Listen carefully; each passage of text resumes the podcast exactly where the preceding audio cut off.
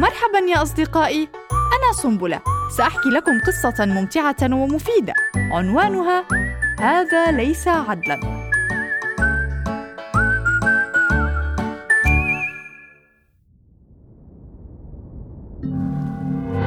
عدت اليوم من المدرسة منزعجة ذهبت إلى أمي وقلت لها ليس من العدل أن تحصل سحر على لعبة جديدة على الآيباد. أمها تشتري لها كل ما تطلب. هذا ليس عدلا. ورحت أبكي مستنكرة وحزينة. جاوبتني أمي بجدية لكننا قمنا بشراء لعبة جديدة منذ يومين فقط ولم تلعب بها سوى دقائق معدودة وسرعان ما مللت منها. هل هذا عدل؟ سمعت ما قالت أمي ولكني لم أتوقف عن البكاء وأنا أفكر كم أنا مظلومة وكم أن أهلي مشحفون بحقي. بعد دقائق نادتني أمي لتناول طعام الغداء مع أبي ولتزداد الأمور سوءا لم تحضر أمي طعامي المفضل. وبالرغم من وجود صنفين من الطعام على المائدة استنكرت وقلت مرة أخرى هذا ليس عدلا ليس عدلا أنا متأكدة أنكم لا تحبونني.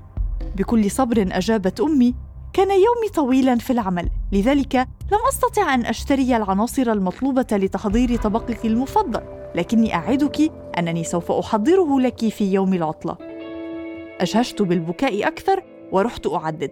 أبي لم يشتري لي الآيفون لأني ما زلت صغيرة وأمي لم تشتري لي فستانا أحمر مثل فستان سعاد لأنني كما تقول عندي ثياب كثيرة.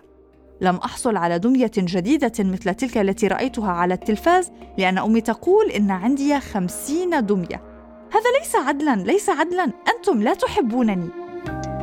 نظر أبي وأمي إلى بعضهما ثم قال أبي بكل هدوء معك حق هذا ليس عدلا أبدا. حضري نفسك لأننا سوف نذهب معا لنحقق العدل. أخذني أبي إلى السوق وبالفعل اشترى لي كل ما طلبت وأكثر. لم أصدق عيني وشكرت أبي من كل قلبي.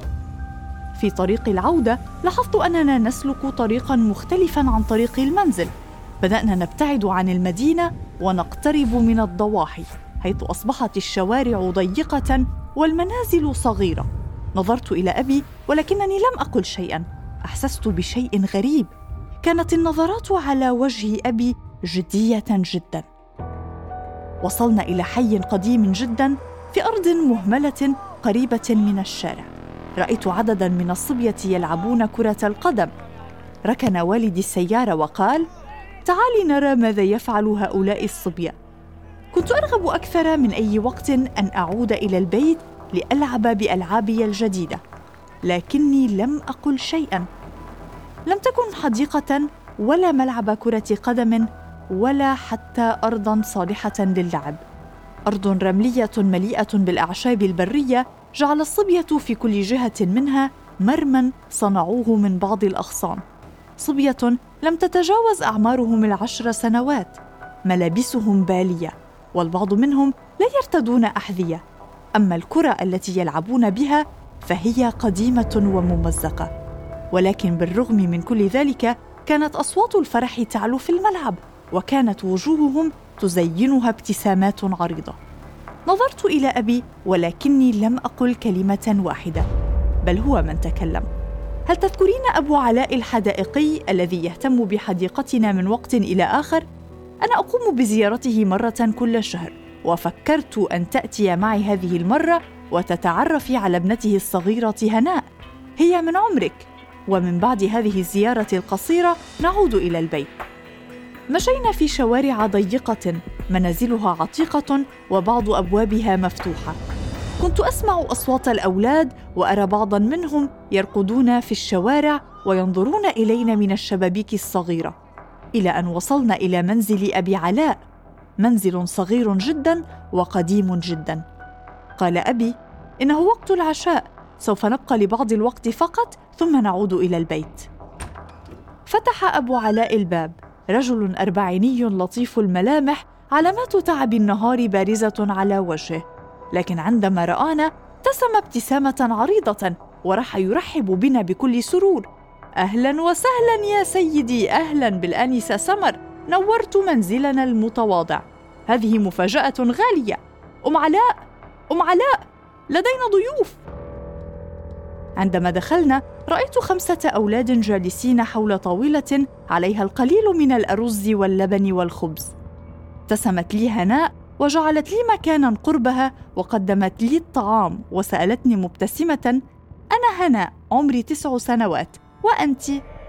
هناء من عمري تذهب إلى المدرسة القريبة من بيتها تعيش مع إخوتها الأربعة وأمها ووالدها في بيت مؤلف من غرفتين وتأكل الأرز واللبن بكل شهية وبدون تذمر شعرت بالخجل لمشاركتهم طعامهم القليل لكني كنت جائعة لأني رفضت أن آكل ما حضرته لي امي سابقا. عندما انتهينا من العشاء دخلنا إلى الغرفة المجاورة. في الزاوية قرب المفارش علبة أحذية قديمة وضعت هناء بداخلها دمية عتيقة لكنها جميلة ومرتبة. اهتمت هناء بكل تفاصيلها. شعرها نظيف وثيابها من الواضح أن هناء خاطتها لها بنفسها. هذه دميتي المفضلة. تعالي نلعب بها. عندما أكبر أريد أن أصبح دكتورة وأشتري بيتا كبيرا لأمي وأبي وإخوتي وسيارة كبيرة لنذهب بها إلى أماكن جميلة وبعيدة ونزور مدنا جديدة. وأنت يا سمر ما هو حلمك؟ لم أتكلم. شعرت بالخجل من نفسي. أنا أعيش في بيت كبير وجميل. غرفتي لي وحدي سريري كبير ومريح. عندي ألعاب أكثر بكثير ربما من كل أطفال هذا الحي مجموعين وأنا أحصل على ثياب جديدة دائما وتحضر لي أمي كل يوم أطيب أنواع الطعام. أنا أذهب إلى أجمل الأماكن وأدرس في أحسن مدرسة. أنا عندي كل شيء وبالرغم من ذلك أتذمر وأطلب أكثر وأكثر وأقول هذا ليس عدلا. لم أعرف ماذا أقول لهناء وهي التي لديها القليل من كل شيء.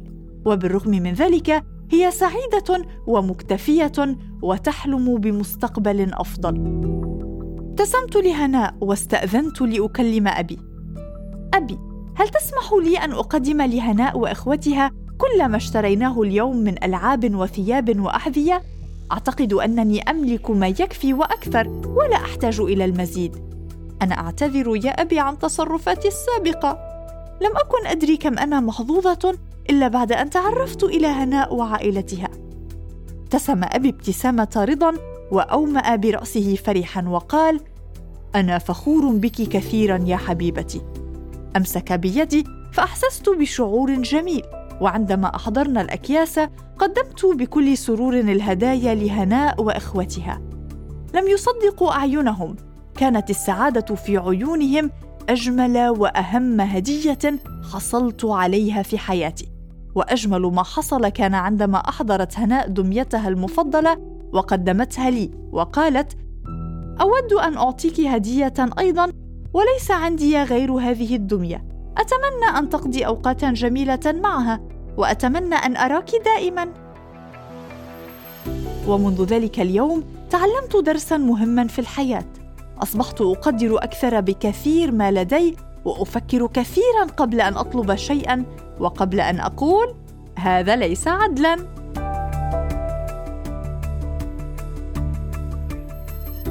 قرأنا لكم في بودكاست سنبلة قصة هذا ليس عدلا.